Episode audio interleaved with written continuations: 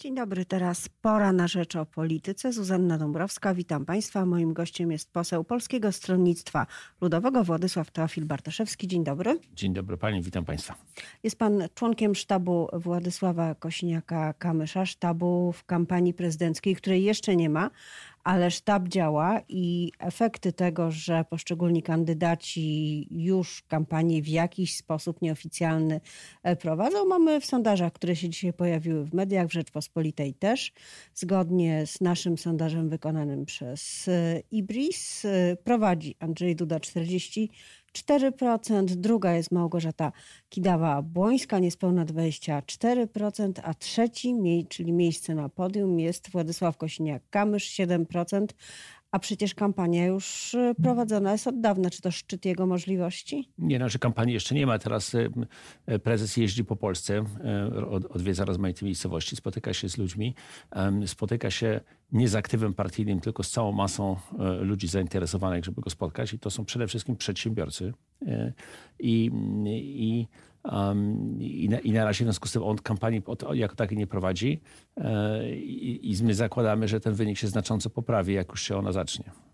Ale Polskie Stronnictwo Ludowe, bo badaliśmy też preferencje partyjne, e, ma w tym badaniu niespełna 5%. Oczywiście wiemy, że z reguły PSL dostaje więcej w wyborach niż wskazują sondaże. No, mimo to widać dysproporcje. Kandydat PSL-u w wyborach prezydenckich zbiera więcej głosów niż e, samo stronnictwo. Na czyje głosy w takim razie e, liczycie?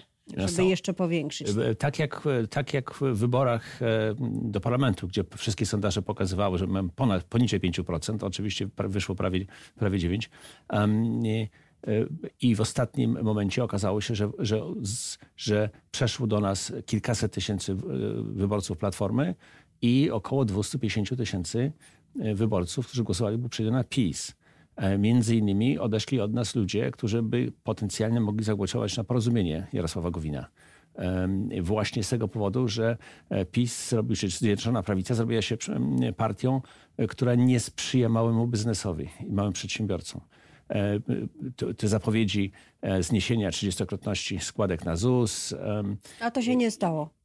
No to się nie stało, dlatego że, że partia Gowina, zorientowawszy, zorientowawszy się, e, że na tym strasznie stracili, w wyborach parlamentarnych uznała, że iść, pójście tą drogą to będzie e, kolejny, kolejna katastrofa. Tak, ale nie ma co liczyć chyba na tego typu błędy, dlatego że obóz władzy, jaka by ona nie była, ale ten szczególnie, bo to już jest druga kadencja, bardzo zwraca uwagę na to, żeby nie robić błędów e, w kolejnej kampanii, która się toczy i żeby niedźwiedziej przysługi Andrzejowi Dudzie E, nie zrobić. To prawda, tylko ja myślę, że Andrzej Duda, znaczy pan prezydent sobie robi też niedźwiedzią przysługę, bo jakoś tak się zrelaksował i wycofał troszkę. I, Ale jak się wypowiada, to ostro, raczej do twardego elektoratu. Twardego elektoratu, to też, to też mu, on cały czas się utrzymuje w granicach 42-44%, a potrzebuje 50 plus e, i on tego elektoratu e, przepływowego nie zdobędzie, jeżeli, jeżeli się tylko utwardzi. To zależy, kto przejdzie do drugiej tury. My zakładamy, że jak się rozpocznie kampania, to wy wynik pani Kidawy-Błońskiej nie będzie 24, tylko zejdzie poniżej 20. Czyli tak naprawdę to Małgorzata Kidawa-Błońska jest bezpośrednim przeciwnikiem w tej pierwszej turze Władysława Kośniaka-Kamysza. Y, no w pierwszej turze przeciwnikami są wszyscy kandydaci opozycji, to jest oczywiste. I ja zakładam, że ten wynik y, ostateczny się bardzo wyrówna, to znaczy, że większość kandydatów y, będzie miała między 10 a 15%. I wtedy wszystko jest możliwe. Wtedy Czyli Małgorzata Kidawa-Błońska, Władysław Kośniak-Kamysz, Robert Biedroń, Szymon Hołownia, no właśnie. No Co z Szymonem Hołownią? Mówi że on zabiera głosy ludowcom. Ja myślę, że on zabiera głosy, e, dużo głosów w Platformie. E, natomiast e, on jest wielko niewiadomo. Podobno stoją za nim wielkie pieniądze i media i w tym momencie na razie tego nie widać. Jak to się uwidoczni, to może... Ale czyje pieniądze? Pan przecież jest bankowcem, musi pan wiedzieć. Umie pan wyśledzić te drogi wspierania no, polityków? No ja nie, nie, nie, nie przyglądałem się finansowaniu pana Hołowni, co jeszcze nie jest takie proste, ale zakładam, że stoi za nim grupa medialna. Wobec tego on się nie, wy, nie, nie wypromuje. E, jeżeli stoi za nim grupa medialna, to właściciele tej grupy medialnej są skłonni go poprzeć.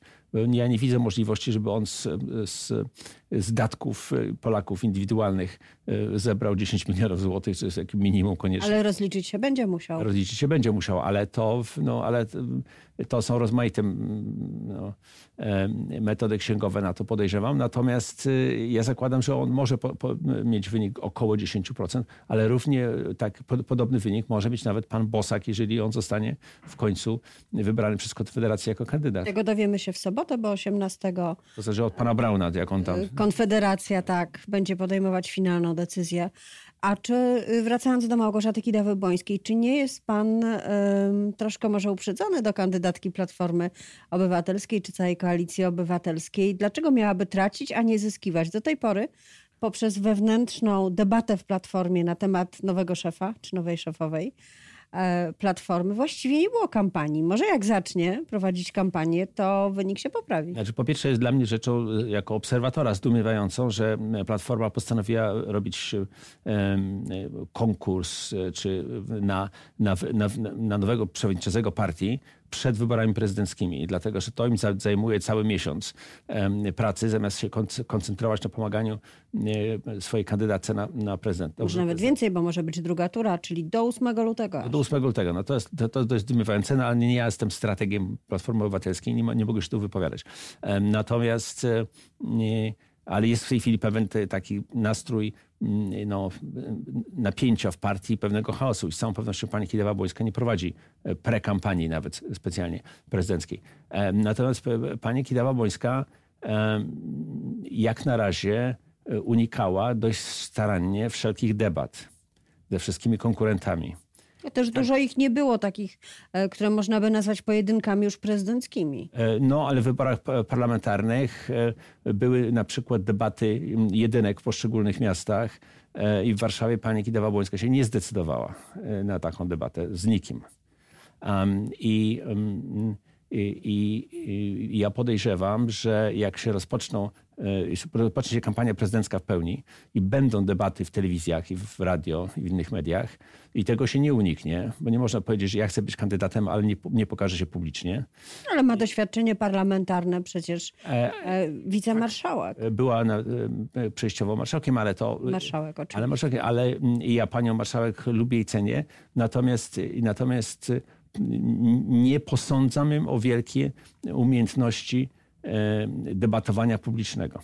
I tu jest ten, e, ten moment e, sprawdzający nastąpi. I wtedy podejrzewam, że są kandydaci, którzy wypadną w tych debatach lepiej. To jest tak jak w prawyborach amerykańskich. Władysław Kosiniak-Kamysz. Władysław Kosiniak-Kamysz jest jednym z niewielu polityków, którzy jest w stanie mówić do rzeczy i na temat przez godzinę bez kartki. To nie ma takich bardzo wielu. Pan prezydent Duda też jest w stanie to do zrobić. Do każdego coś, co ten ktoś chce usłyszeć. To może z kolei budzić obawy o konsekwencje kandydata e, e, PSL. E, prezes PSL jest bardzo konsekwentny, ma bardzo konsekwentną linię, ale jest, ale jest osobą centrum, racjonalnego, rozsądnego centrum i dlatego jesteśmy się w stanie dogadać z, tak ze stroną lewą, jak i ze stroną prawą. I Wczoraj byłem w telewizji i wystąpił pan, który był poszkodowany przez sądy bardzo znacząco i powiedział, że uczestniczył w naszej debacie na temat zmiany systemu sprawiedliwości, w której jedyną stroną nieuczestniczącą był Prawo i Sprawiedliwość, która te destrukcje systemu sprawiedliwości przeprowadza. E, natomiast byli ludzie wszystkich partii politycznych poza e, PiSem e, oraz między innymi prawnicy i ludzie poszkodowani. I było zadziwiające, że ta, ta osoba, która ma bardzo negatywny stosunek do tego, jak sądy funkcjonują, bo został poszkodowany, był przez, przez bardzo wiele lat poszkodowany wyrokami sądu, które teraz są zmieniane, powiedział, że to jest jedyna taka sytuacja, że, że PSL jest, jest partią, która umożliwiła ludziom normalnym wysłuchanie i jakąś interwencję. I my idziemy w tę stronę. My rozmawiamy ze wszystkimi jak, jak, jak z normalnymi ludźmi. No tak, ale problem polega na tym, że w tej sytuacji, która jest, czyli większości potwierdzonej w drugich wyborach, większości Zjednoczonej Prawicy, a przede wszystkim Prawa e, i Sprawiedliwości. Decyzje zapadają w Prawie i Sprawiedliwości, jak niektórzy mówią na ulicy Nowogrodzkiej. Jakby nie było, nawet dobre chęci PSL-u, połączone z dobrymi chęciami nie wiem, lewicy czy, e, czy koalicji obywatelskiej, nie wystarczą. Dzisiaj Senat rozpoczyna na dobre walkę z ustawą, tak zwaną ustawą e, kagańcową, to ma sens, to odraczanie o, o, o miesiąc czy chociaż o dwa tygodnie uchwalenia ustawy? Przecież PiS ją uchwali. To nie jest kwestia, e, to nie jest kwestia odraczania. To jest kwestia taka, że nie może być sytuacji, gdzie bardzo ważna ustawa jest, jest uchwalana e, w trybie ekspresowym. Po, po czytaniu ustawy w Sejmie ona została wysłana do komisji, która pracowała całą noc i uchwalono tam ponad 100 poprawek.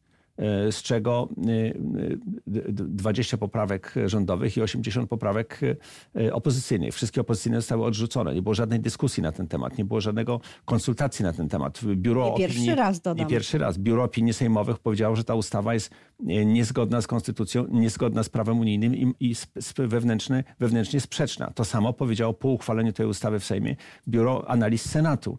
No, Senat Biuro Analiz nie głosują. Się to, analizy nie, nie, nie głosują, tylko że oni zwracają uwagę na to, że jak taki bubel prawny wyjdzie, e, to będzie natychmiast e, zaskarżony przez Komisję Europejską do TSUE i co, co prawdopodobnie będzie miało miejsce. Senat stara się tę ustawę poprawić. Senat nie ma możliwości odrzucić ustawy, ale może ją starać się poprawić i to się teraz dzieje. Nie było żadnych konsultacji w tej, w tej sprawie. No, to nie można uchwalać ustaw tak skomplikowanych i tak ważnych na zasadzie, że w 48 godzin przepchniemy to kolanem, zagłosujemy w nocy, prezydent rano podpisze.